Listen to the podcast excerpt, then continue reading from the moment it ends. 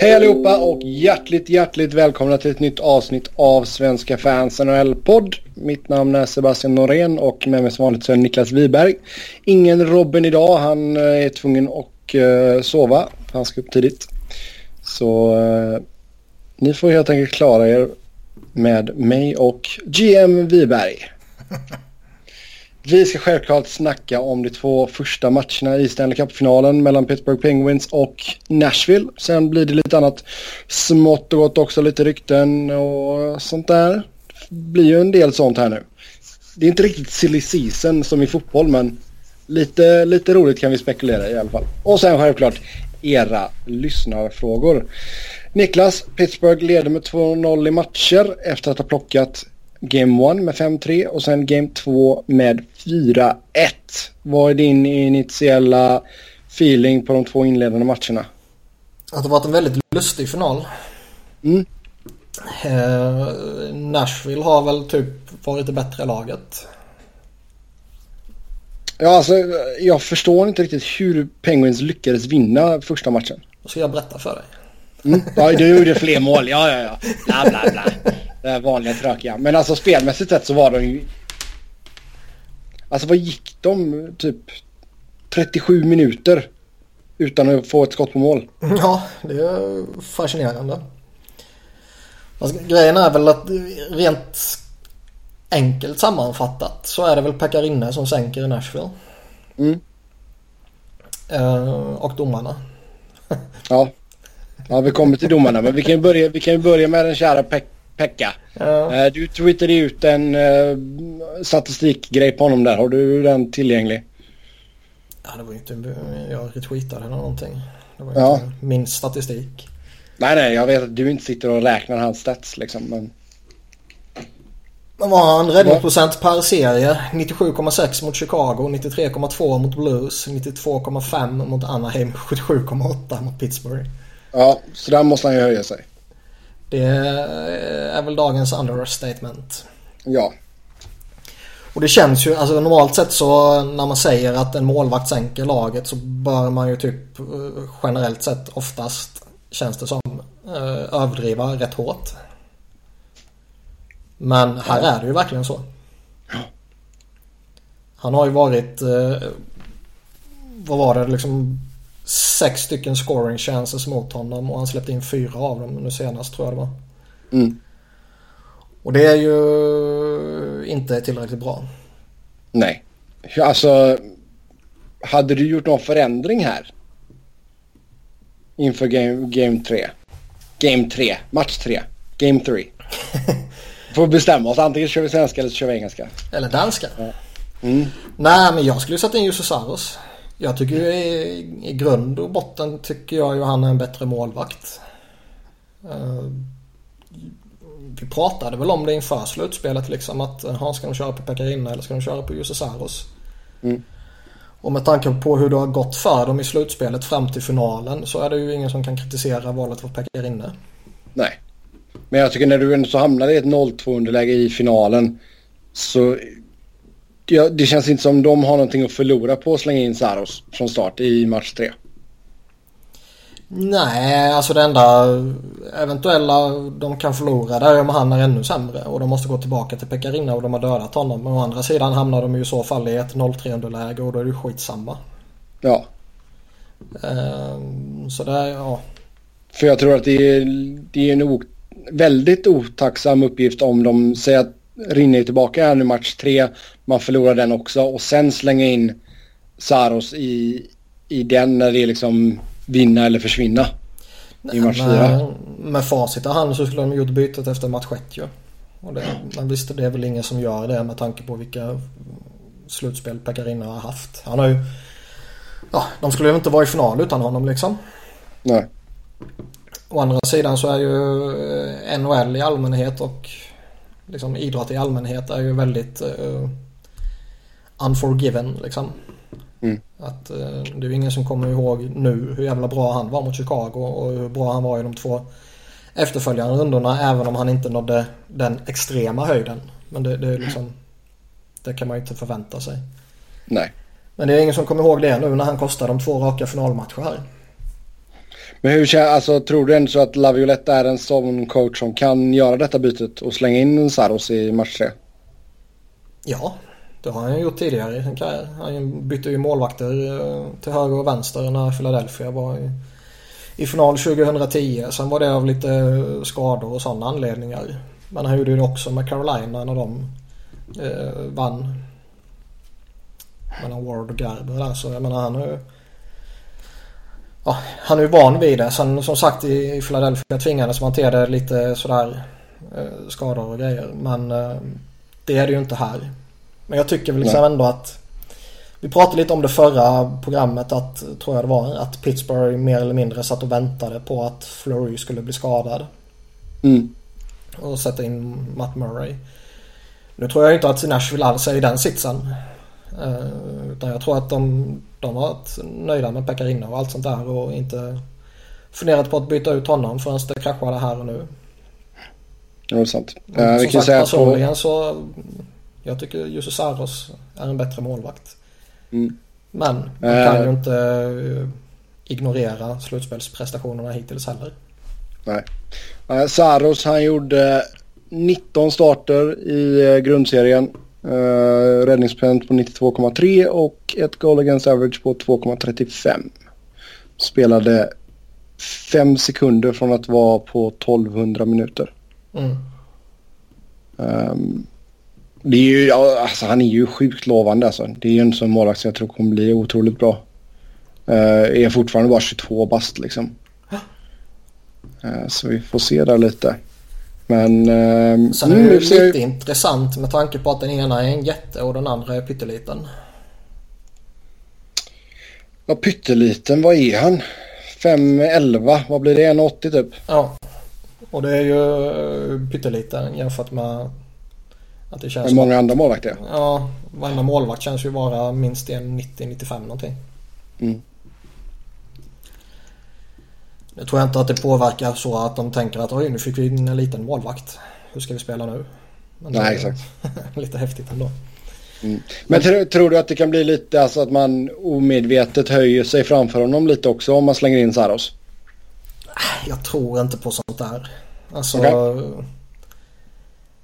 Visst spelar man en eh, helt meningslös match i eh, vet, match 80. Man är borta från slutspelchanserna. Man ska bara spela av säsongen. Plockar man upp en rookie och sätter i målet. Spelarna som bara är intresserade av att spela av matchen. De kanske anstränger sig lite extra i ett sånt läge. Men i en final. Eh, du spelar för att antingen reducera till 1-2 eller torska 0-3. Mm. Alltså då, då kan du inte skruva upp någon prestation bara för att de har satt in en annan målvakt. Då är du liksom på så högt du kan vara. Sen kan man givetvis anpassa. Alltså, när Roman Jaws eller P.K. Subban sticker fram i någon offensiv ride. De kanske skippar den för att de känner sig att ja, vi får safea lite. Mm. Men det kan ju lika gärna ge motsatt effekt. Att laget blir sämre. Jo, det är sant. Mycket snack inför serien var ju självklart eh, Nashvilles defensiv och deras fina backuppsättning mot Pittsburghs fina centerdjup. Mm. Och hittills så har väl, ja eller bevisligen så har ju centerdjupet varit mer betydande för Pittsburgh. Och det här med att defenses uh, wins championships. Ja. Fast ja, eh, jag är med på vad du säger. Men sen samtidigt så kan man väl aldrig skriva av en final innan båda hemmamatcherna har spelats för det lägre sidade laget. Nej, det är sant.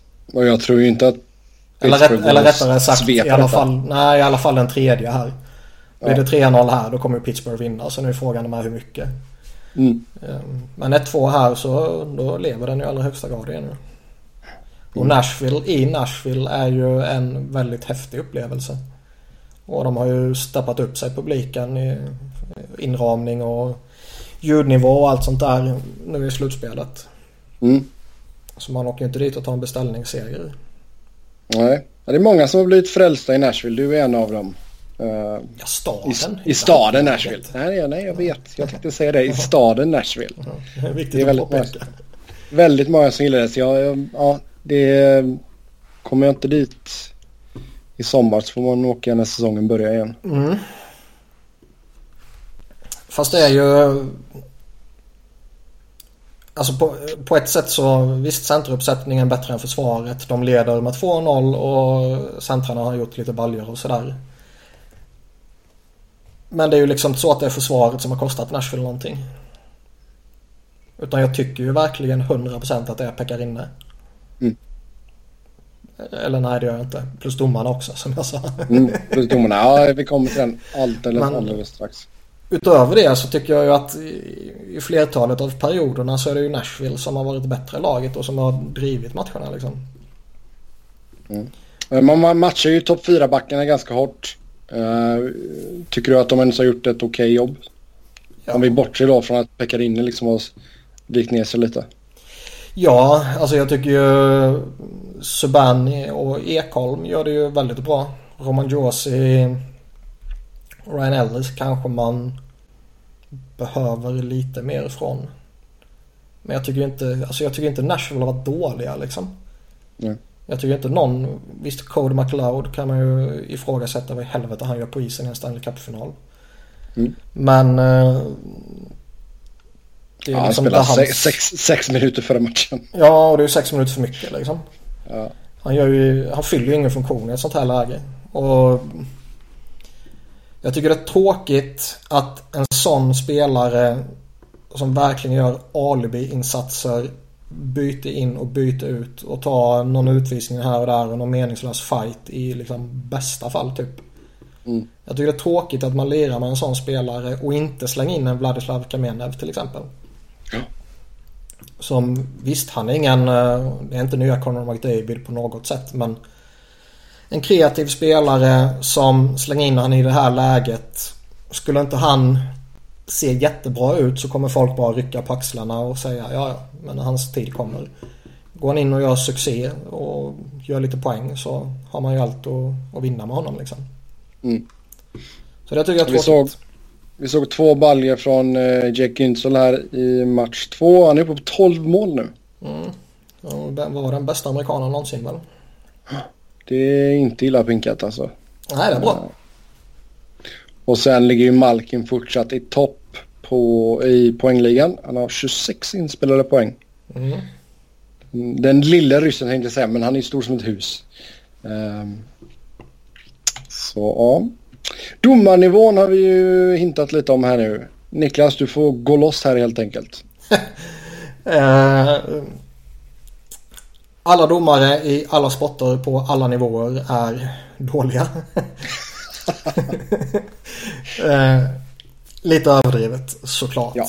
Men och ju svår, alltså det, ju högre upp man kommer i nivåerna desto svårare blir det ju. Om man inte är verkligen nere i bottenskräpet för där är spelarna så odugliga så där blir det svårt av andra anledningar.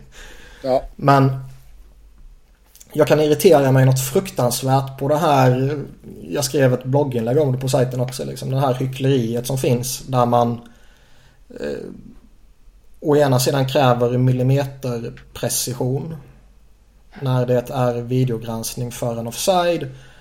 Och det är extremt noggrant och alla krav från ligan och så vidare att den blir eh, 100% korrekt.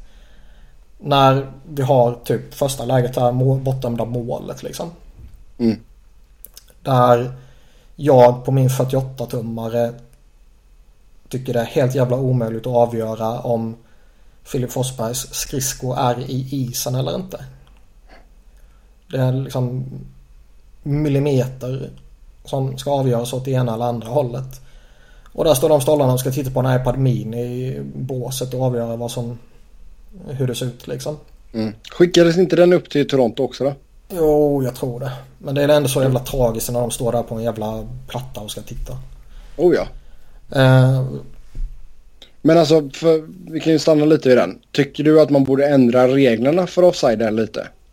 För man vill ju inte så... Ligan vill ju att det ska bli mer mål, det vet vi ju. De krymper målvaktsskydden eh, och sådana grejer. Liksom. De vill ju ha mer mål. Borde det inte gynna dem då att man är lite mer liksom, frimodiga med vad är en offside och vad inte är en offside liksom? Att så Ja. länge du har någon, någon del av kroppen på eller liksom över blålinjen så att säga. Alltså då menar jag exakt över blålinjen. Typ sä, säg att Foppas, Lill-Foppas eh, skridsko var en centimeter ovanför isen. Att det fortfarande är okej.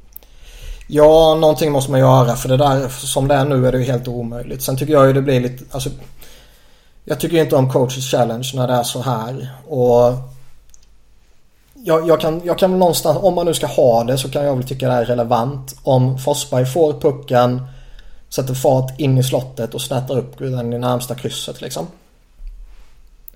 Då kan man titta på eh, situationen. Men här så liksom han skickar iväg en passning mot Arvidsson tror jag det var. Och han missar pucken så han sticker ner i sarghörnet. Pittsburgh vinner pucken typ. Eh, tappar den igen till Nashville och så är det en passning och sen är det skott. Så det var liksom Possession byttes ju av mellan lagen och det var flera passningar och flera spelare som var i puckkontakt innan det hände mm. någonting. Så själva situationen i sig var ju inte direkt kopplad till målet. Ja. Så visst nu kom den in i zon via och bla bla bla men jag tror folk förstår vad jag menar ändå. Jo men i och med att, den i och med att du har en possession-del där som är, alltså mm. när Pittsburgh-spelare har pucken, då borde det nästan vara att, då är det en ny situation. Ja, eh, lite så tycker jag. Och sen, sen, i den här finalen så ställdes det ju lite på spets också när man har liksom millimeter precision och krav där och ändå lyckas man liksom inte avgöra och så dömer de bort målet typ. Och den extrema petigheten och kraven som finns i en situation nonchalerar man ju bort helt och hållet i andra situationer. Om det så är eh, liksom en en liten Vi vet väl fortfarande inte vad en goaltender in interference är? Nej, men, men jag menar liksom i andra ta vanliga domslut ute på isen såg man ju den här matchen också när, när Pittsburgh gick upp i 5 mot 3 till exempel, två minuter. Två utvisningar som ibland är de utvisningar, ibland är de inte utvisningar. Ja. Det är liksom en korkad crosschecking i ryggen men hur många gånger som helst ser vi inte att de friar den liksom. Ja, exakt. En pytte, pytte, pytte lite slag över foten eller underbenet. Jag minns inte riktigt. På Hörnqvist var det väl. Och som går ner som han är skjuten liksom. Mm. Det är ju rätt ofta man ser sådana saker frias också för att de tycker att ja, det var inte tillräckligt hårt. Nej. Och sen är det liksom det är tacklingar i ryggen som inte blir någonting som är liksom klockrent i ryggen på siffrorna och han dundrar rätt in i sargen och domarna står två meter jämte och de bryr sig liksom inte. Nej.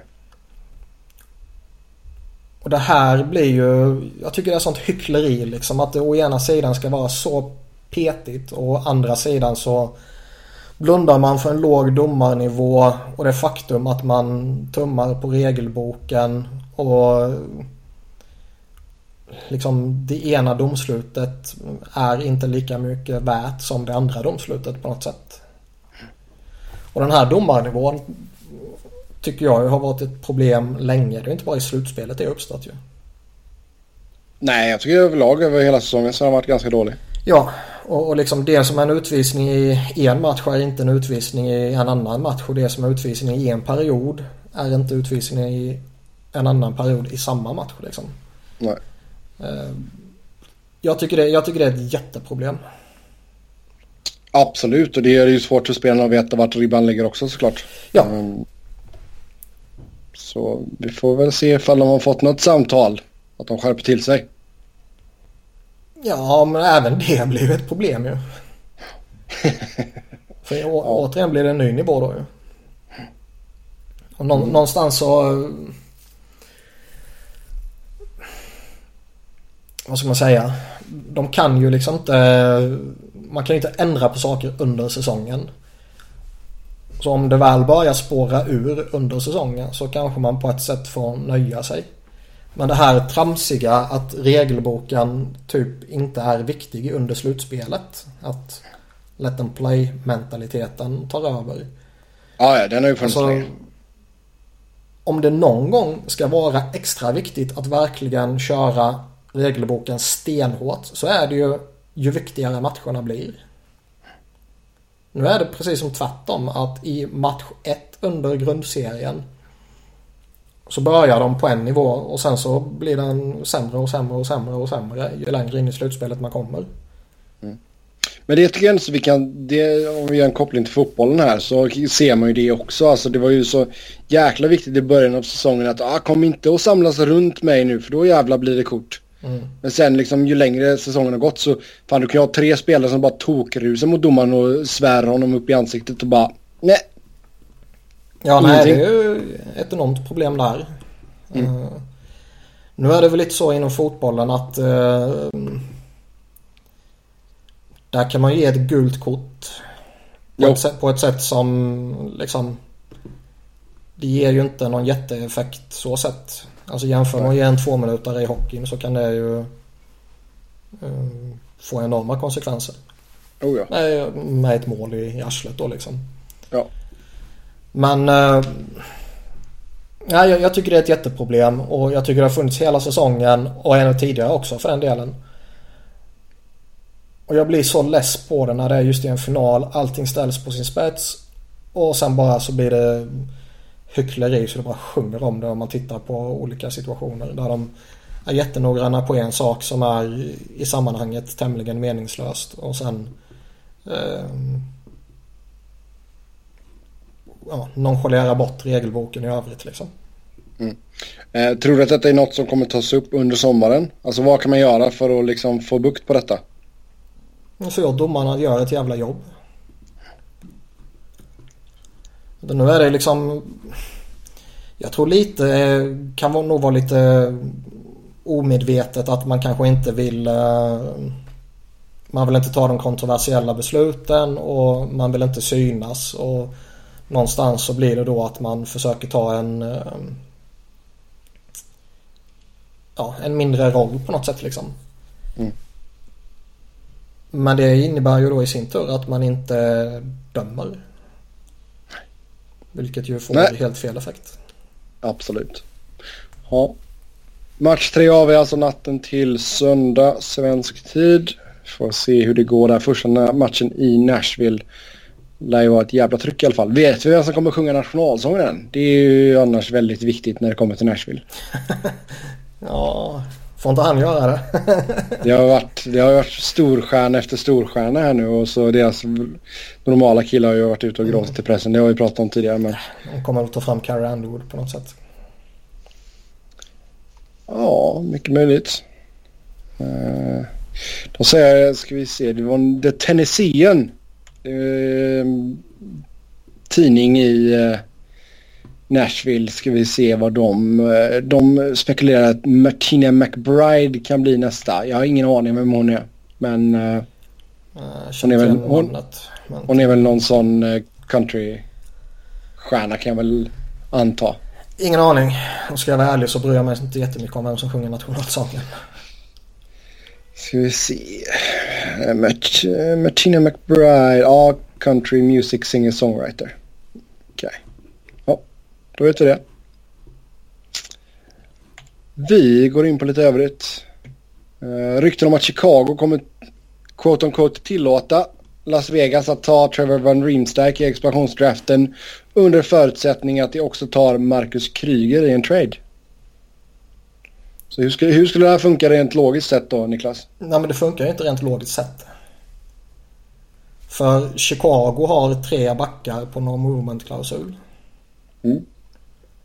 Och liksom ska de tillåta Vegas att ta TVR när han redan kommer exponeras liksom. Vad fan är det? För de, som sagt de tre där är Seabrook, Keith och Hjalmarsson. Och visst någon av dem kan ju wava men de vill ju inte att Keith eller Hjalmarsson ska wava och varför skulle Seabrook välja att wava liksom? Nej exakt. Så det enda där det här gör någon form av rimlighet det är väl om det är tvärtom. Att eh, de kommer exponera Marcus Kryger, Vegas tar honom från dem för att de ska bli av med drygt 3 miljoner i capita. Och mot att de tar honom så eh, får de också Van Rimstag i en trade vid sidan om så att säga. Mm. Då blir det lite logiskt. Så jag förutsätter ju att det här är någon form av typo eller tappad eh, logiskt tänkande från. Det var ju Frank Sarabelli på TSN som mm. skrev det här. Han är ju normalt sett väldigt duktig.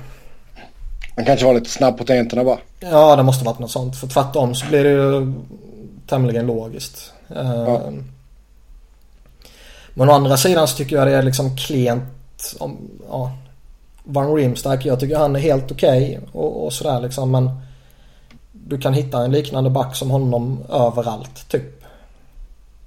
Ja, alltså ta, ska du ta plocka en spelare från Chicago så är väl inte han den givna liksom.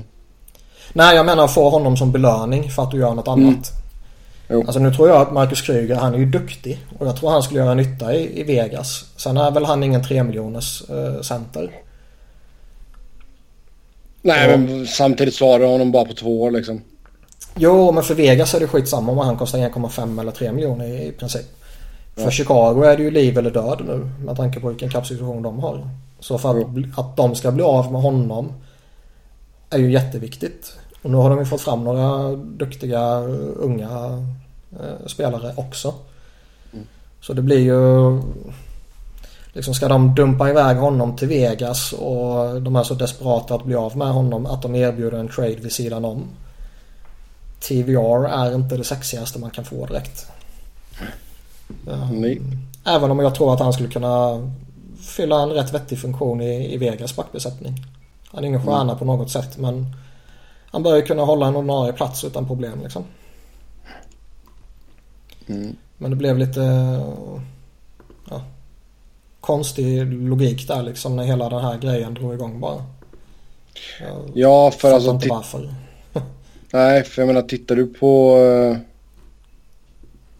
på vilka man ska hålla liksom i, i Chicago så vilka hade du valt att, att skydda utöver de som var mer tvungna att skydda då? Kane, Taves, Hossa, Nismov och så de backarna som du nämnde och så Crawford också. Ryan Hartman skulle jag skydda. Han är jag rätt förtjust i. Om man tittar på vad de har. Ja. Det känns väl som att eh, Riga Panik kommer de nog skydda också. Och eh,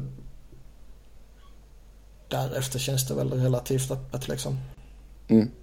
Har man lite flyt där ändå att man inte, att eh, Panarin är exempt? Ja. Å andra sidan så är det väl inget, eh. Den sista platsen är väl kanske i så fall Panarin eller Kryger och vill man då bli av med Kryger så är inte det här ett problem. Nej. Och skulle de tappa en Jordan Tutu eller Andrew Desjardins eller Thomas Jurko eller något sånt där så är inte det direkt så att organisationen går under. Oh nej. Mm. Nej men som du säger där, tar man Kryger sen att man, ja, jag fattar inte vad de, alltså behöver de ens TVR liksom? Nej det vet man inte heller vad de kan få men uh, det bör ju finnas bättre backar tillgängliga liksom. Oavsett ja. om det är trade eller en annan, i ett annat lag i expansionsdraften. Mm. Men uh, ja. Ska man försöka muta dem till att ta Kryger och gör man det så är det ju bevisligen för att man vill bli av med honom. Ja. Och varför skulle inte Vegas då bara säga att eh, nej, ge oss något bättre. Mm. Ge oss TVR och ett pick eller ge oss en prospect istället. Jo, sant. Nu tror jag i och för sig att Vegas gärna tar Kryger. För han är ju duktig som sagt. Mm. Men eh, är Chicago desperata att bli av med honom så ska man ju försöka utnyttja situationen. Absolut, absolut. När vi ändå så inne på Vegas-spåret så eh, kan man tydligen tänka sig att ta på sig dåliga kontrakt för first rounders. Mm. Ja, spännande. Det kan ju öppna upp lite möjligheter. Ja, alltså det borde det här kommer väl inte som en chockerande överraskning direkt. Utan de borde ju verkligen göra det här. Sen kan man ju alltså. De borde ju kanske inte ta på sig Dustin Brown. Jo då. Med tanke på att han har fem år kvar liksom. Det kanske är, är lite för mycket. Men eh, någon som har två eller tre år kvar och som är överbetald men som fortfarande är en NHL-spelare behöver ju kanske inte vara ett problem för dem beroende på hur deras lag i övrigt ser ut med tanke på att de ändå måste ta sig över golvet och med tanke på att de ändå måste eh, spendera lite. Men vad, alltså, vad tar du helst där? Tar du hellre Dustin Brown eller Marian Gaborik? Pest eller kolera? Om jag måste välja någon av dem. Du måste välja någon av dem. Så tar jag hellre Gaborik. Mm. För att där finns det en potential att man kan få något. Dels är det ju, dels kommer han med lite star power på ett sätt som Brown inte gör. Dels har han ett år kortare. Dels eh, Ja, alltså är han frisk och kry så tror jag ändå han kan bidra med några mål. Mm. På ett sätt som jag inte alls är lika övertygad om att Dustin Brown kanske kan göra. Men sen, alltså. Samma sak där med Chicago-resonemanget liksom att varför ska inte Vegas bara försöka sig åt LA att ja vi kan ta Gabrik från er om ni lämnar honom men då ska vi få det här. Så jag ser inte varför de bara skulle ta honom rätt upp och ner och jubla för att de har fått honom. Nej. Nej alltså grejen är den också att det känns ju ändå som att de skulle kunna bara plocka någon utfyllnadsspelare. De behöver ju lite utfyllnadsspelare också liksom. Så jag menar, vill du, in, vill du inte ta på dig en, en överbetald Dustin Brown eller en överbetald Marian Gaborik så fan kör ett år med liksom Nick Dowd eller Jordan Nolan eller två, vad blir det, typ två eller tre år med Trevor Lewis liksom. Det, mm. det finns andra grejer att göra där men självklart hoppas jag ändå så att man på något sätt från Kings perspektiv kan bli av med antingen Brown eller Gaborik. Såklart. Men ja, som sagt man kanske blir tvungna att muta Vegas helt enkelt. Ja. LA borde väl vara eh, hyggligt desperata också. Mm. Ja, alltså i det här läget så är det nästan värt att slänga och skicka med ett första val för att bli av med Brown. Ja, med tanke på att man inte har några superval. Det är ju inte så... Fan, jag har ju till och med sett förslag från Philadelphia-supportrar liksom att ska vi inte skicka första valet till Vegas mot att de tar Andrew McDonald från oss? Man blir ju mm. mörkrädd för fan. Alltså vi har det bästa som har hänt den här organisationen på en evighet liksom. Ska vi bara slänga iväg för att bli av med Andrew McDonald som eh, är ett väldigt litet problem för oss så tillvida att vi de kommande åren förmodligen kommer ha väldigt många entry level kontrakt i laget. Mm. Och han är inte överjävligt dyr att köpa ut. Och det ska man slösa bort en Nolan Patrick eller Nico Hischier på liksom. Jag tycker det är lustigt jävla resonemang. Ja, det är sant. Men Kings har ju inte riktigt råd att köpa ut Dustin Brown. Nej. Uh, jag vet inte ens, vad skulle han kosta? Kan du inte kolla det? Uh, Dustin Brown, det kan vi göra.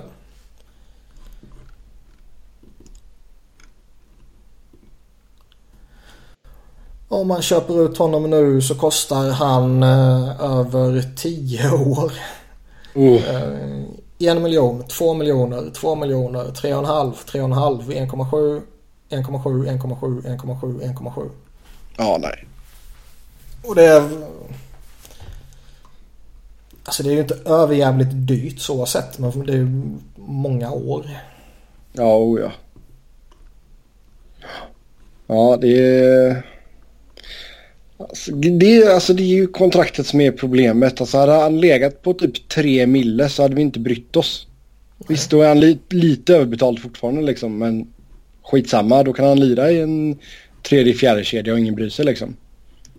Det blir ju så skoj när de släpper de här listorna ju. Oh ja. Och se... Det kommer, det kommer bli några sådana galna grejer, det är jag helt övertygad om ju. Ja, det blir intressant och då ska, får ju vi slänga ihop vårat eh, Vegas-lag också såklart. Jo. Så det, det ser vi absolut fram emot. Och vi kommer att köta mer om draft och allt sånt där när den närmar sig såklart. Uh, Brian McLellan öppnar för möjligheten att byta bort Alexander Ovechkin. Mm. Jag tycker... Eh, alltså visst, alla spelare i hela ligan förutom Conor McDavid är väl tradebara liksom. Det är klart att alla har sitt pris men alltså vilket lag har pusselbitarna att skicka till Washington för en Ovechkin? För det ska ju ändå så vara en av de största traderna på mannaminne liksom. Eller i mannaminne.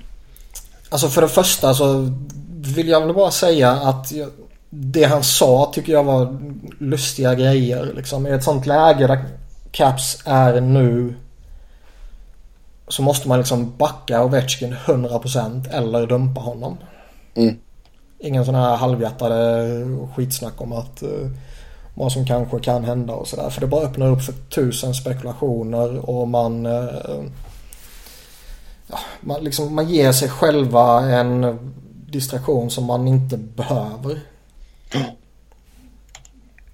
Men med det sagt så liksom jag, jag, så här spontant jag är svårt att se att man får ut faktiskt värde för Ovechkin om man bestämmer sig för att trada honom. Mm. Uh, och jag ser liksom inte att det finns en marknad för honom så liksom. Inte för att han är dålig. Inte alls. Jag tror han kommer vara duktig de kvarvarande, var han tre eller fyra åren? Fyra det va? Mm. Uh, Nej men alltså det, du hade ju eh, efter detta så skrev de en artikel på The Comeback eh, där de ändå liksom försökte eh, liksom hitta någonting och det är alltså, det går ju typ inte. Nej, jag pratade med poddens gode vän Patrik Hansen. eh, om det här just det. Vi kom fram till Anaheim, Corey Perry kanske. Om eh, Anaheim har tröttnat, det hände ingenting. Eh, Corey Perry var lite halvdan säsong. Ja, skeppa honom mot Ovechkin liksom och kompensera med lite andra eh, för att jämna upp så att säga. Men det känns svårt också liksom. Jag... Nej. Jag, jag ser bara inte en trade kunna ske. Å andra sidan satt man ju här för ett år sedan och sa samma sak om Shea Webber. jo. jo, men det får ju nästan bli någonting liknande där. Men alltså det... Jag ser ju inte riktigt typ Pittsburgh gå in och liksom ge upp Malkin typ. Nej, det är klart man inte gör. Och det... Ja. Någonstans får jag lite sådana här vibbar från när typ Joe Thornton skickades iväg av Boston. Att man eh, tog... Eh, eh, ja, man packar ihop ett paket och så får man det bara liksom. Mm. Det är inget superbra utan man typ... Flera spelare ska ersätta en spelare. Ja exakt, du får liksom volym istället bara. Ja. Och... Eh, det är ju ingenting man vill göra. Alltså... Nej. Jag skrev ju någon blogginlägg eller krönika och här för några veckor sedan också när det var som allra värst här att ska de offra honom nu liksom och där Den här eran så en av tidernas bästa målskytt liksom. Han har producerat bra i slutspelet. Han är en bra producerande slutspelsspelare och han uh, det är liksom inte hans fel. Det är inte så att hans produktion har gått ner supermycket under slutspelet. Då skulle det kunna vara en relevant eh, diskussion det här om att man kan inte vinna med honom som sin ledande spelare och så vidare och så vidare. Nu är det ju bara mm. skitsnack. Och det är bara skitsnack för att han är ryss typ. Ja. Men eh, jag, jag ser verkligen inte att det är han som är problemet liksom. Nej men alltså sen det är liksom svårt att komma på någonting. Vi säger Pittsburgh då till exempel. Jag menar, så att du skickar Letang, Hörnqvist och ett första rundsval liksom. Men det är fortfarande tillräckligt bra. Jag skulle inte göra det om jag var Pittsburgh. Alltså de kanske inte behöver, behöver Ovechkin liksom. Men, men eller typ Edmonton liksom. Edmonton, sätt Ovechkin bredvid Conor McDavid liksom. Ja men de, ja, de behöver inte honom heller. Sicken kedja. McDavid, Dreisaitl eller Ovechkin. Grejen, ja. Verkligen. Men grejen är att det enda laget som jag verkligen tycker Ja men de kanske är en bra fit. Så här spontant utan att ha tänkt jättemycket i och för sig. Det är ju faktiskt Vegas. De går ut och gör en sån sluper splash och skickar uh, massa pix och grejer och de får uh, typ alla deras picks i draften eller någonting. Mm. Och ta in Ovechkin så får de en superstjärna som både kan leda laget på isen och som man kan dra all marknadsföring kring och hela det här köret. Och det är liksom ingen... Det finns egentligen inga behov av att jämna ut traden med lön heller. Alltså det är ju sådana här lägen vi skulle ha kvar. Om man ska ta andra lag. Mm. Att okej, okay, ska de ta in Alexander Ovechkin på 9,5 miljon drygt så måste de kanske inte skicka 9,5 miljon tillbaka men rätt mycket tillbaka. Ja. ja det är sådana här lägen vi skulle fortfarande skulle haft kvar där man kunde skicka pengar i en trade. men sen är det också att Alltså dumpar du Ovechkin om du är caps så måste du ju få något jävligt bra tillbaka. Mm. Jag har svårt att se att jag, om jag vore Washington-supporter skulle acceptera att Alexander Ovechkin blir bortbytt om man inte får den garanterade duktiga ersättaren i en sån trade. Alltså byta bort honom och få massa picks och sådär liksom. Nej. Det känns inte riktigt rimligt heller. Nej.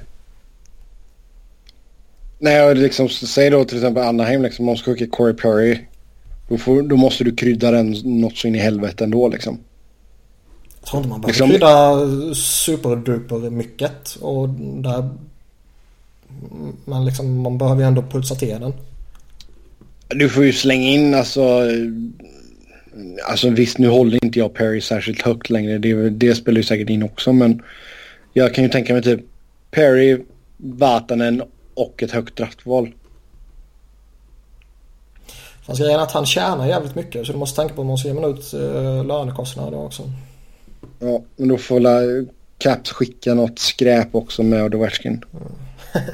Fast det är egentligen bara denna säsongen som Paris målskytte har svalnat av. Antingen så har han i flera år varit en väldigt duktig målskytt ju. Absolut. Så, men jag, jag har bara svårt att se någon vettig trade där liksom. Och det känns verkligen inte som att det kan ske. Men som sagt, man sa ju samma sak med Shea Webber tidigare. Mm. Vänta bara Ovechkin till Blackhawks. På något sätt så trollar de ihop den också. Ja, tänk honom för istället för Taves. Det är kanske bättre. Oh ja. Ja. Men som sagt, det stora problemet är att backa honom eller dumpa honom. Det är klart att sant. varenda människa fattar att alla spelare med extremt få undantag och det enda undantaget idag är väl typ Conor McDavid liksom. För jag håller fortfarande Crosby som en bättre spelare än McDavid men McDavid kommer ju... Det är bara en tidsfråga innan han är den bättre liksom. Mm. Och det finns ju, han kommer inte bytas bort mot någon annan. Alla andra spelare i hela ligan är ju tillgängliga om Edmonton ringer och säger att ni får Conor McDavid. Ja, det är klart. Så då är det ju typ per definition bara Conor McDavid som inte är tillgänglig. Mm. Men om du skickar, om du är Edmonton och du skickar Jordan Eberley och något mer. Alltså vad skulle det krävas för att Capitals ändå så liksom säga att ja men det är helt okej okay, liksom. Eberley är en sån bra målskytt. Han är billigare än Ovechkin. Ja fast hans rykte har gått ner så jävla mycket. Ja. Jag tror, ja, jag, jag tror inte det skulle smältas kan, så jättebra kan, att man kan, dumpar Ovechkin för att ta in Eberle liksom. Kan Bäckström göra Ovechkin så kan han göra Eberle. Det är liksom... det är lugnt. Det är lugnt. Bäckis ja. löser biffen. Men jag, jag, ser, ja, jag ser verkligen inget... Utöver Vegas ser jag verkligen inget vettigt lag. Och Vegas faller ju på att de, än i alla fall, inte mm. kan skicka någon bra ersättare i utbyte. Nej, det kanske de kan efter expansionsdraft och efter eh, alla andra trades de kanske gör. Men idag ser jag det bara som svårt. Mm. Sen ryktas det om att Washington inte kommer signa Carl Alsner och att TJ Oshie istället är nära en förlängning. Ja, det var väl lite förvånande kan jag tycka. Mm. Alltså Oshie trodde jag väl inte att han skulle försvinna. Ja, det kändes som att eh, de, har, de, nog inte, eller de har nog inte råd att förlänga med honom. Och de vill nog förlänga med Karl Altsner med tanke på att han har... Eh, han har varit där så länge och han är ju populär i hela det här köret. Eh, så det, om det här stämmer ska det bli väldigt intressant att se vad TG Joshua får för pröjs. Om han någonstans eh, gör vad Justin Williams gjorde och signar lite billigare för att ja, man tror man kan vinna med, med caps. Ja. Ja, de har ju lite att pula med där alltså. Du, alltså Justin Williams har jag inte hört någonting om överhuvudtaget. Nej, han var ju väldigt, eh, vad säger man, nedstämd efter att de hade blivit utslagna. Han verkar ju tagit det väldigt hårt. Och snackat mm. om att Nej, men det var verkligen det här som jag var helt övertygad om att jag skulle vinna här och så blev det inte så bla bla bla liksom. Mm. Så frågan är om man vill ge det en ny chans eller om man vill söka sig till någon annan contender och ta en annan cup. För han, kommer han på marknaden kommer han ju få många, många erbjudanden. Ja, absolut. Mr Game 7. det är klart alla vill ha den spelaren. Mm. Uh, Burakovsky och Kuznetsov bör man ju kunna läsa. De är båda RFAs. Ja. Uh, samma med Brett Connolly. Uh, Daniel Winnick. Det är väl bara att säga tack och hej eller? Ja, eller signa jättebilligt. Ja. Och sen är det då Alsner. För Chattenkirk har man inte råd att signa. Nej, det bör man inte kunna ha. Då får han ju också ta en sån jäkla discount. Ja, de flesta verkar ju typ fortfarande räkna med att han äh, äh, hamnar i Rangers. Mm.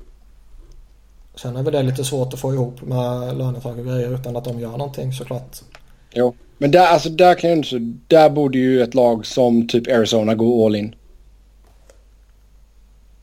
Få in Chattenkirk bredvid Ekman Larsson hade ju varit mumma. Ja, men vad fan ska han göra där? Sola, spela golf. Ja, eh, vad han kommer få göra. Pippa budar, jag har ingen aning liksom. Vad, vad brukar en hockeyspelare göra? Mm. Försöka vinna matcher och det gör man inte där. Uh, yeah. Men, uh, nej men visst. Men ja, så, nej. Ja. verkar ju vara körd om man får tro ryktena. Och Toronto verkar vara intresserade av honom lite och så här saker. Så. Vi får la se. Mm. Det skulle vara intressant. Alltså grejen att Toronto, om de går efter honom, är ju väldigt intressant. För de var ju under en period där under början av nybygget där de gjorde väldigt många kloka saker. Och väldigt... Eh, Nej, men de tog på sig lite ettårskontrakt och sen dumpade de iväg dem vid trade deadline och får massa extra picks och så draftar de bra och så vidare och så vidare. Och sen efter de gjort allt det så bara börjar de göra konstiga grejer med att signa upp Matt Martin och sånt. Liksom, varför gör man det? Nikita Zaitsev på det där jättelånga kontraktet tycker jag är tveksamt också. Ehm, och nu sägs det att man ska gå efter Karl Alsner också beroende på vad han får för kontrakt, vilket borde vara rätt stort om han blir UFA eller även om han de tar till hans eh, rättigheter och signar honom sen. Så signar man upp honom på ett långt och dyrt kontrakt tror jag man kommer ångra sig. Kanske inte de första åren, men på sikt. Mm. Det är intressant att se lite vad, vad Toronto tar vägen nu efter att ha gjort väldigt många bra saker och sen börjat göra lite sämre saker och så kanske man fortsätter göra lite sämre saker. Jo, sant. Mm. Sen, eh, vad hände med Ilja Kovalchuk egentligen? Eh, nu kommer ju snack om att han eh, har ångrat sig. Han vill vara kvar i Europa för han vill spela OS. Okej. Okay. Jaha.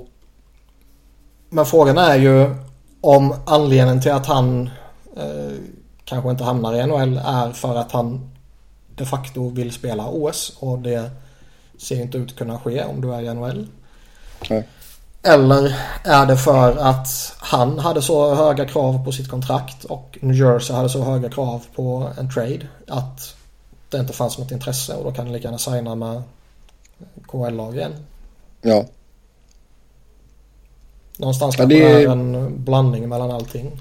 Ja, alltså det blir ju en sån jäkla konstig situation i och med att Devils fortfarande har rättigheterna liksom. Att det, det skulle ju bli en sign and trade liksom. Ja, och eh, vänta ett år så kan han komma tillbaka som vanlig UFA. Och då kan han gå tillbaka och så kan han försöka vinna Gagarin Cup och så kan han spela OS och så kommer han tillbaka och kan välja och vraka. Ja. Men samtidigt så skulle han väl vara 35 då va? Ja. Mm, det är lite lite halvkomplicerat. Han skulle aldrig lämnat från början helt enkelt. ja. Han hade gjort saker mycket, mycket enklare. Han skulle vara bättre med en trade. Eh, ja, fast det där kontraktet var jävligt lustigt också. Jo, det var det. Det var det. Så det var kanske inte helt fel ändå. mm. Sen Tyson Berry sägs vara tillgänglig i en legitimate hockey trade. Ja, och det är väl inga uh, nya rykten direkt. Det fick väl lite ny uh, fart här nu bara. Jag tror det var Elliot Friedman som nämnde det till exempel.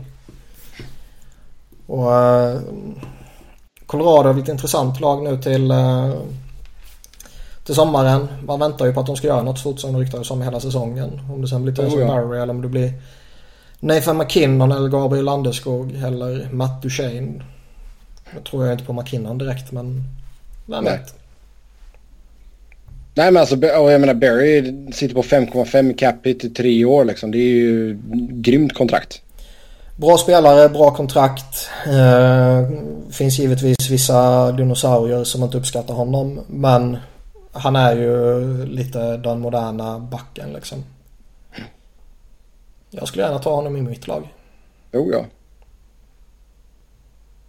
Om man bara tittar på spelaren. spelaren liksom. Mm. Ja det är klart. Så är han på marknaden bör man kunna få bra betalt liksom. Sälj av allt. Bara bränn ner skiten. Flytta laget till Quebec. ja.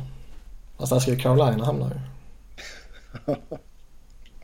Det är så svårt, att, det är så svårt Nu blir Emil ledsen när du säger så. Ja, det är bara därför jag säger det.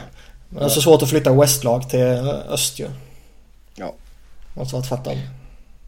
Nej men alltså ska, om man nu liksom ska ut och veva och trada bort någon av sina liksom franchise-spelare så frågan är ifall inte Tyson Berry skulle ge bäst utbyte. Alltså jag antar ju att McKinnon inte är liksom på raden där men om du snackar Duchene, Landeskog och, och Berry.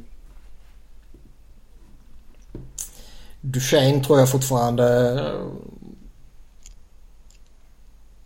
eh, är liksom... Han är ett namn, han har ändå varit med i Kanada i stora turneringar och sådana saker. Jag, jag, tror han är respekterad ändå. Ja, alltså jag tror alla skulle kunna ge ett gediget utbyte men jag tror inte med tanke på vilken backbrist vi ändå har i ligan på toppbackar. Så... Jo, absolut. Sen mm. samtidigt så det är inte jättemånga gånger som en så duktig center är tillgänglig heller. Också sant. Trada båda två. Så, problemlöst. Landeskog blir skogstokig. Um, sen är ju frågan vad man ska göra med det där Carl Söderberg-kontraktet. Ja, Tre år på 4,75. Med en modified no trade. Ja, men det är bara att hålla kvar honom. Spela av ett år eller två och sen försöka dumpa honom till någon. Mm. Ryan Murray tillgänglig i Columbus? Frågetecken har vi sen här.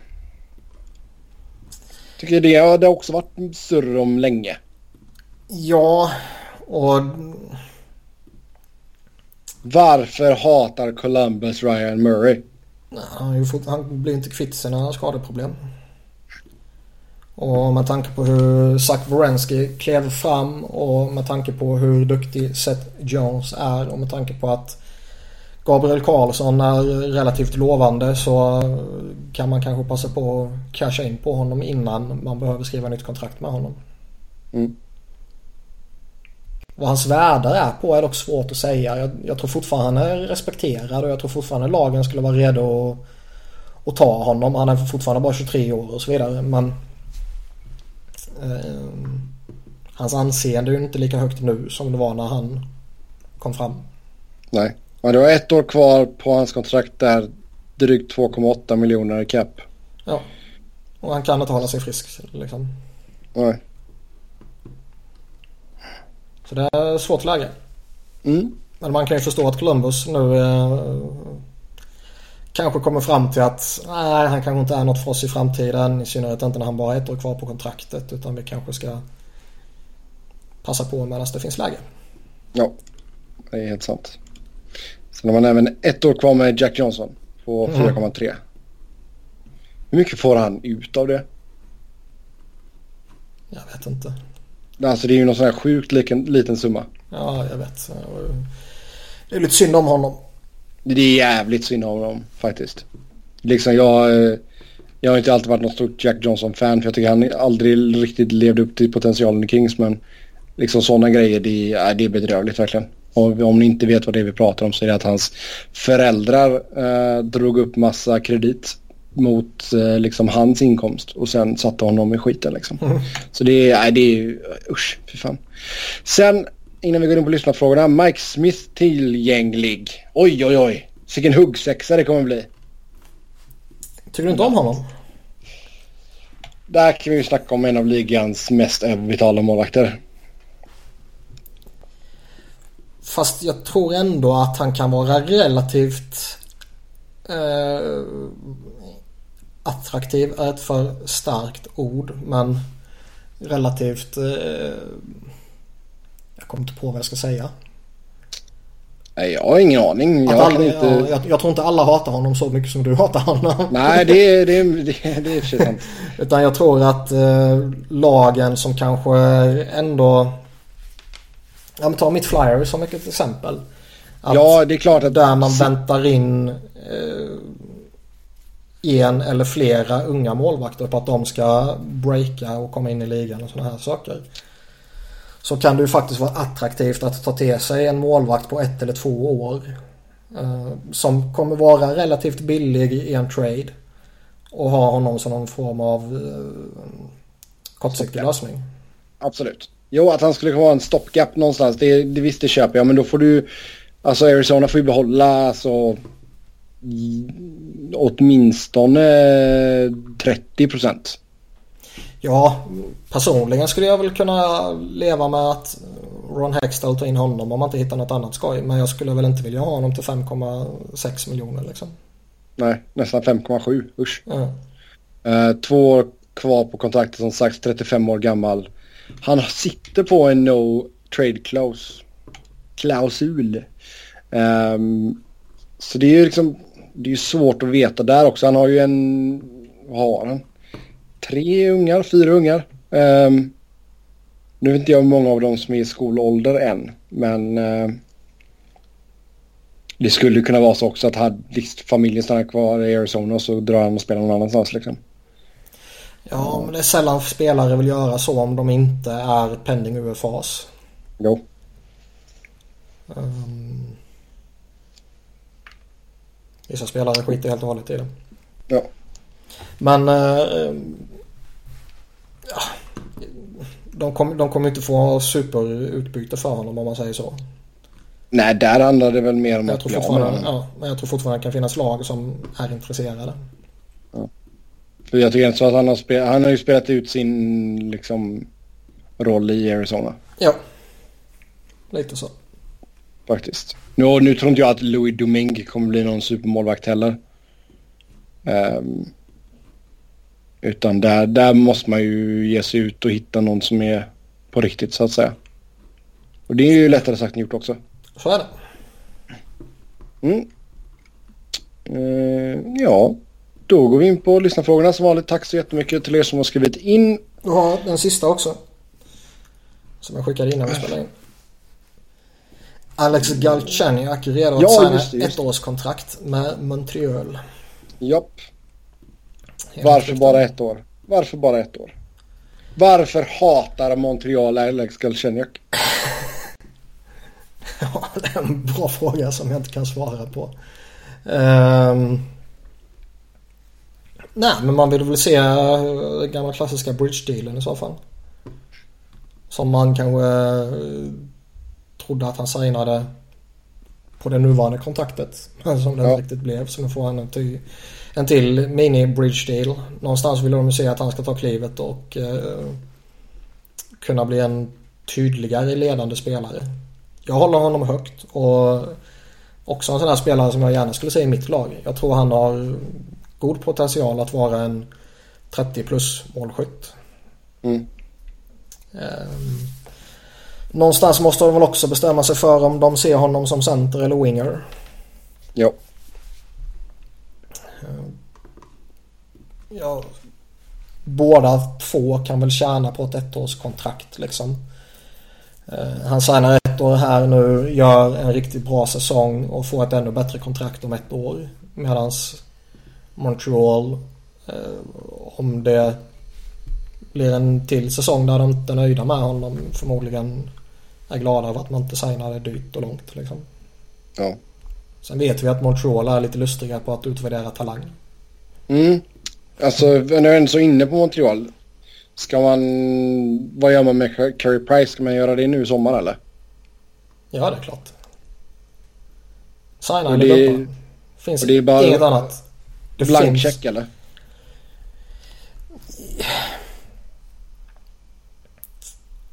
Alltså han är ju inte värd, även om han är duktig så är han ju inte värd allt. Alltså hos Man bara, här Monsieur Price. Uh, right in your price right here and we're good. Men eh, jag, jag är tämligen övertygad om att de kommer signa honom kosta vad det kostar vill i princip. Sen kommer han väl inte landa på någon maxlön direkt men Norr om 8,5 landar han ju. Han får ett bättre kontrakt än vad Henke Lundqvist fick ju. Det är jag rätt övertygad om. Ja. Och eh, jag skulle inte bli, jag skulle inte bli förvånad om han går upp på tvåsiffrigt heller. Sen om det är värt Det är ju för mycket för målvakt. Jag vet inte. Det, det är väl inte fy skam att ha eh, en av de bästa målvakterna liksom. Och eh, det är ju någonstans där som priset ligger för toppspelare i ligan. Så det kan, men däremot så kan man väl alltid diskutera liksom hur stor skillnad det är mellan en målvakt som kostar 9-10 miljoner och en målvakt som kostar 5-6. Ja. Eh, Man kan ju hitta målvakter som är betydligt mycket billigare och som i rätt lag med rätt förutsättningar inte kommer prestera överdrivet mycket sämre liksom. Nej. Men det känns som Carey Price i Montreal, det, det kommer ju det kommer inte ta många minuter eh, över tidsgränsen när man tillåts signa honom så att säga. Innan han är signad. Mm. Ja, då går vi in på lyssnarfrågorna. Som sagt, tack till er som har skrivit in. Det uppskattar vi som vanligt. Eh, först ut har vi rankade fem mest oväntade utvecklingar bland spelarna, eller spelare i år. Så kör vi grundserien bara eller? Eller kör vi bakom in slutspelet också? Uh, nej, vi kan börja med grundserie. Ja. Leon Draisaitl. Ja, att han Visst skulle... att det fanns potential, visst. Men alltså explodera på det sättet. Ja, nej, det, det såg väl inte jag riktigt heller. Tysklands Wayne Gretzky. ja. Eh, nej, men han är väl ett typexempel på en sån spelare. Jag tycker väl Pasternak kanske man får nämna också. Mm. Oerhört bra. Alltså båda, båda två faller väl någonstans i samma kategori. Väldigt talangfulla.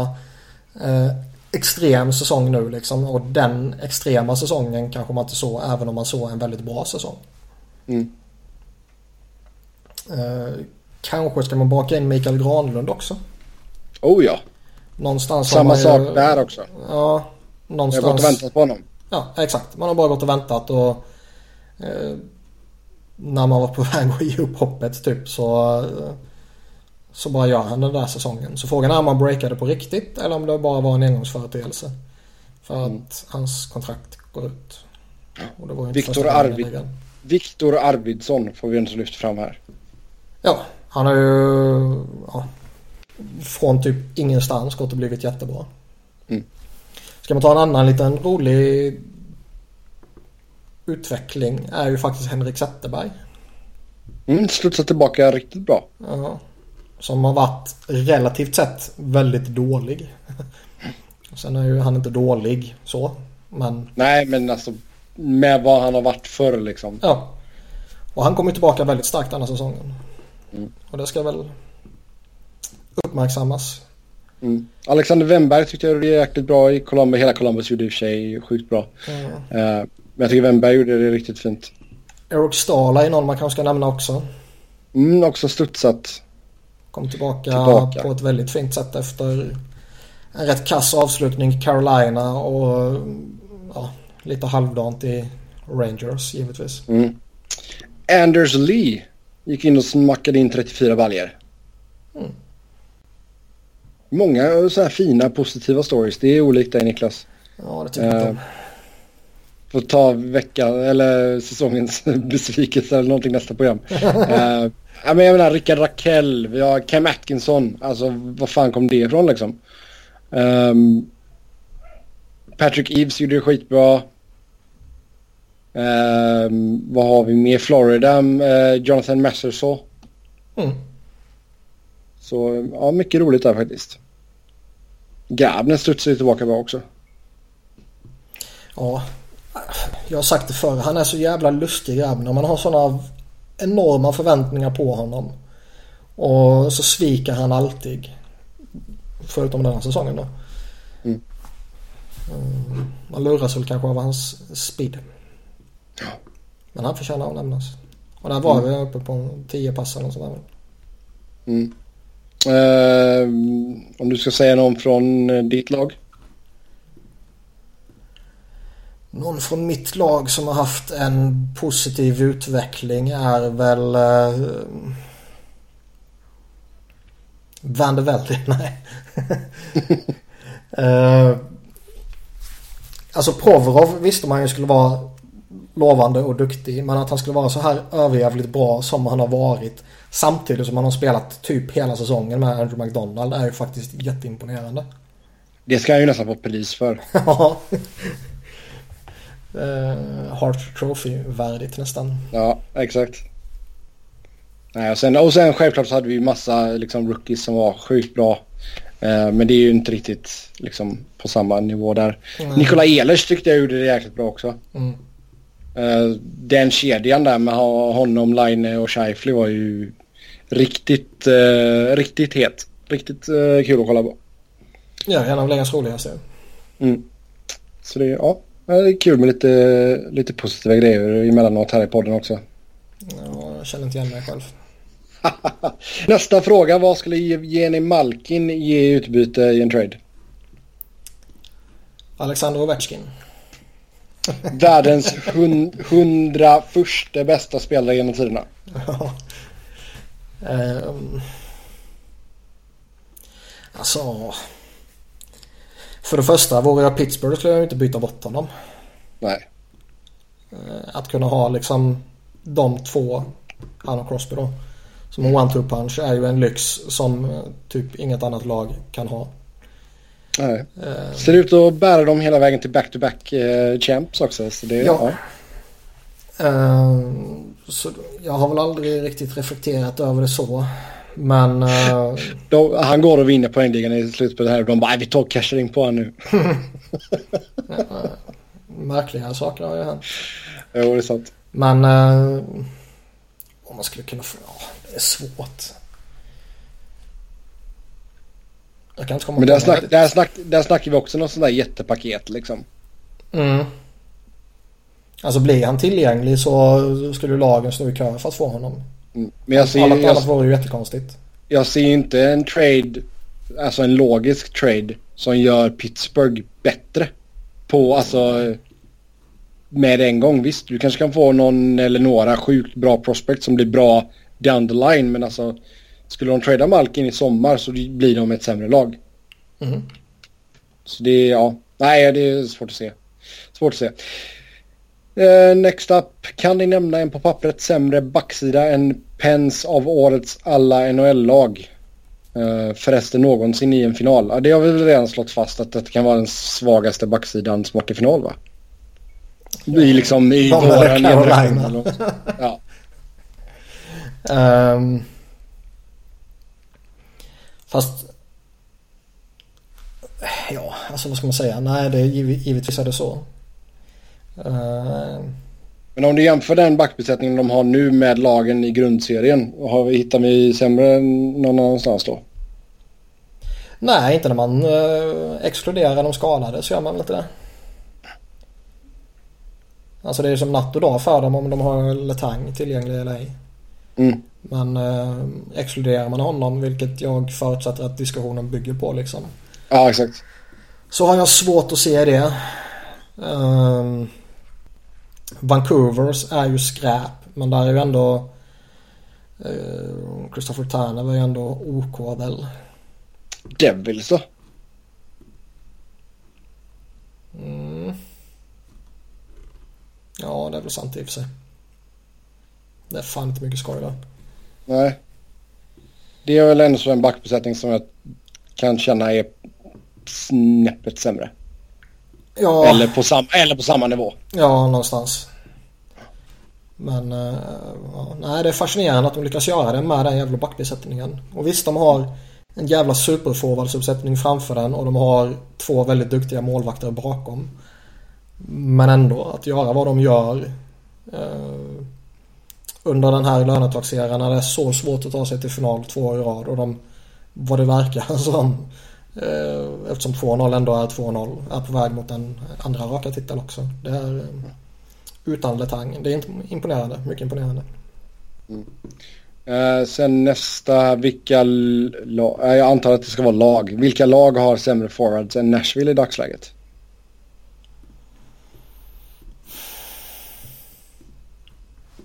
Ja, Vegas. Ja, bra. Det är safe, safe svar på allt här nu. um, det är svårt där också liksom.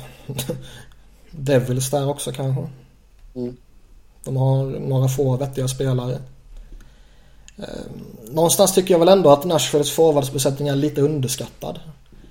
Det är givetvis ett extremt hål utan Ryan Johansson. Han är ju deras enda fullt legitima center liksom. Jo. Um, Filip Forsberg är duktig. Arvidsson är duktig. Uh, James Neal är fortfarande okej. Okay. Kalle Järnkrok är okej. Okay. Mike Fisher är fortfarande duglig. Colin Wilson tycker jag är helt okej. Okay. Um, men visst, det är ju ingen superuppsättning. Nej. Nej men alla, när alla är, liksom, det är ju det också liksom, om, om alla är friska så får man ju inte höja dem ganska rejält. Jo. Uh, det är klart att det var utan, uh, var utan Johansson och var utan uh, Fiala liksom det, det drar ju ner det självklart. Så är det. Ja. Sen skulle någon SHL coach platsa som headcoach i NHL och i så fall vem? Nej. Svårt att se det. Ja, generellt sett håller jag ju svenska coacher rätt lågt. Jag tycker i och för sig att Roger Rönnberg ser intressant ut. Men intressant så tillvida att han borde kunna vara ett bra alternativ som förbundskapten. Mm, okej. Okay. Um, Sam Hallan får ju mycket beröm också och han är väl en genuint duktig SHL-tränare som många andra är också men på sikt kanske han kan bli det men jag vet inte. Det... Jag tror fortfarande de är lite för insnöade på det här att du måste ha rutin från Nordamerika, NHL om du ska komma som europé. Ja, okej. Okay, ja. Att du Men se, se, måste ha gjort se Rönnberg gå in, liksom. gå in med Rönnberg som en assistant coach eller någonting. Eller sätta han i ett AL-lag något år. Ja. Fast jag vill gärna att han stannar i Frölunda i och för sig. ja, han är jätteduktig tycker jag. Mm. Men uh, han känns väl också som en sån här att uh, han kommer ju kunna få toppjobb här i Sverige. Varför ska han harva i AOL eller glida omkring som assistant coach liksom? Ja. Ja, det är sant. Uh, vad finns det mer? Grönborg. Han har ändå varit över i Nordamerika. Oh, men herregud, du har ju precis efter varje turnering här nu har vi ju skällt på honom. Jo, det är sant. ja, har vi inte skällt på NHL-coacher då eller? Jo, jo. jo, men inte alla. Nej, inte alla. Eller jo, det har vi. Men eh, även de bästa coacherna är ju galna. Men eh, ja, gör man sådana konstiga grejer och sen säger sådana konstiga saker som förbundskapten så har jag svårt att se att man skulle bli jätteframgångsrik som headcoach i NHL. Mm. Nej, som sagt, jag tror det blir Ulf Samuelsson en vacker dag. Ja, jag kan inte påstå att jag bryr mig jättemycket. Nej, jag vet att du inte gör det. Det är lugnt. Eh, sista frågan här, den kommer in från chatten från Patrik. Eh, han lägger upp ett scenario där Erik Karlsson inte vill skriva nytt med eh, Ottawa och eh, han undrar vilka lag kan ge rimliga förslag och vad skulle det vara i så fall. Och sen eh, vill han ju självklart veta vad Flyers skulle kunna snickra ihop för något för att kunna landa IK65.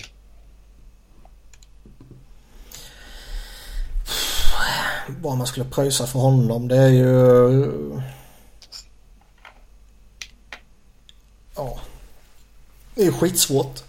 Mm. Um... Jag, ja, jag vet inte. Men alltså man måste ju spränga banken. Oh ja. Både till Ottawa och till honom själv i ett kontrakt. Men... Eh, ja, alltså han ska väl ändå se upp. Uh, jag menar du har två säsonger kvar på 6,5 men jag menar han ska ju upp på 10 sen. Ja, ja. Om man inte kraschar nästa år, men det tror jag inte. Nej. Uh, men vad han är värd i en trade, det är ju omöjligt att säga liksom. Jörgen Malkin. Ja, visst. Men... Uh... Alltså där måste du väl ändå så... Där, måste du, där kan du inte bara säga tack och hej liksom. Eller liksom lägga på luren. Nej, men det, alltså, det är ändå en... Uh, om vi snackar idag så är det ju liksom ligans överlägset bästa back. Och, och liksom den största eh, liksom en, en impact defenseman som det inte finns någon annan som är i närheten av typ. Mm. Eh, det hade ju Pittsburgh älskat att ha. Ja, det har de ju miniversion av i Chris Letang Ja. Men eh, Malkin är ju jätteduktig men han är ju inte bäst. Och liksom värdera en den bästa backen mot en center som inte är bäst. ja, då har jag hellre den bästa backen. Du skickar Malkin och Olli Mäte. Nej, Mäte är inte bra. Ja, men så att de får tillbaka en back också. Jo, då vill de gärna ha en bra back i så fall.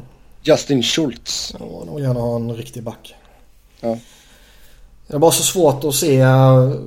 Alltså givetvis kan han bli tradad och vill han inte vara kvar i Ottawa så måste han ju bli tradad. Men jag har svårt att se pris liksom. Ja, jäklar vad de hade skjutit sig själva i foten där annars. Bara, nej, vi låter han spela ut. Ja, nej, det kan man inte göra. Men det är ju där, det är därför jag hela tiden tjattrar om att har du ett år kvar på kontraktet med din superstjärna så måste du signa med honom eller trada honom. För man kan inte gå in i en säsong. Titta bara vilken kaos det var på Tampa med Stamkos liksom. Ja, ja visst. Jag är helt övertygad om att det försämrar din säsong. Ja. Och eh, man kan inte riskera att en sån spelare lämnar gratis. Nej, exakt. Men om du ska eh, snickra ihop ett eh, paket från Flyers då? Jag vet inte. Alltså... Idag ser jag väl inte att man har ett paket som man kan få Erik Karlsson. Shane Gostisbehere. Han är jätteduktig men han är inte i närheten av Erik Karlsson. Wayne Simmons. Ja, samma sak där. Alltså... Och så typ fyra första val. Ja men det sker ju liksom inte. Alltså men någonstans måste man göra relevanta grejer också. Och... Claude Giroux. Nej. Nej. Alltså jag, jag, ser bara inte det. Men visst om två år så kanske Provorov har tagit sådana extrema kliv och Ghost har tagit nya kliv och Eh, Sanheim har tagit extrema kliv och så vidare. Då kanske det är möjligt. Men idag ser jag inte hur man skulle kunna ta till sig Erik Karlsson. Återigen, det är pengar vet du. Det hade gjort allting mycket lättare. Ja, um, Ottawa behöver ju pengar liksom. Exakt. Men eh, de behöver ju också få ett värde. Och de är ju ett problem nu. Och vi har ju pratat om det jättemycket. De har tappat alla sina bästa spelare genom åren. Och eh, det var därför jag ändå tyckte att det var viktigt för dem att signa Bobby Ryan liksom. Mm. Eh, och skulle de tappa Erik Karlsson nu eller om ett år eller två. Det vore ju förödande liksom. Mm. Det blir intressant att se hur han tänker där liksom. Det, för det känns ändå så som att trots att man gjorde det bra i år så kan man ju lika, lika väl vara ett bubble team nästa år liksom. Ja, det kan vara en bra bit utanför slutspel nästa år utan att det egentligen är så jättekonstigt. Ja. Så det, ja, det blir intressant. Alltså det, för jag menar, du vill ändå så se en sån spelare i en quote on quote riktig contender liksom. Ja, helt klart. Och liksom kunna sätta honom bredvid en annan jättebra back hade ju också varit jäkligt intressant. Um, för det är ju ingen som är i närheten på samma nivå som han är i deras lag liksom. Han, han får ju... Det är ju som att han spelar med en ryggsäck liksom. Mm. Så ja. ja. Vi får se. Har ni förslag på vad lag skulle kunna ge upp för Karlsson så skriv dem i kommentarerna. Med det så säger vi tack och hej för den här gången. Som vanligt så kan ni följa oss på Twitter. Mig hittar ni på ett Noren. Niklas hittar ni på ett Niklas Wiberg. Niklas med C och enkel-V. Och Robin och hans mateskapader följer ni på R underscore Fredriksson. Jag kan ge en liten spoiler. Det är antingen pizza, hamburgare eller kebab. Mm. Um, tills nästa gång, ha det gött. Hej!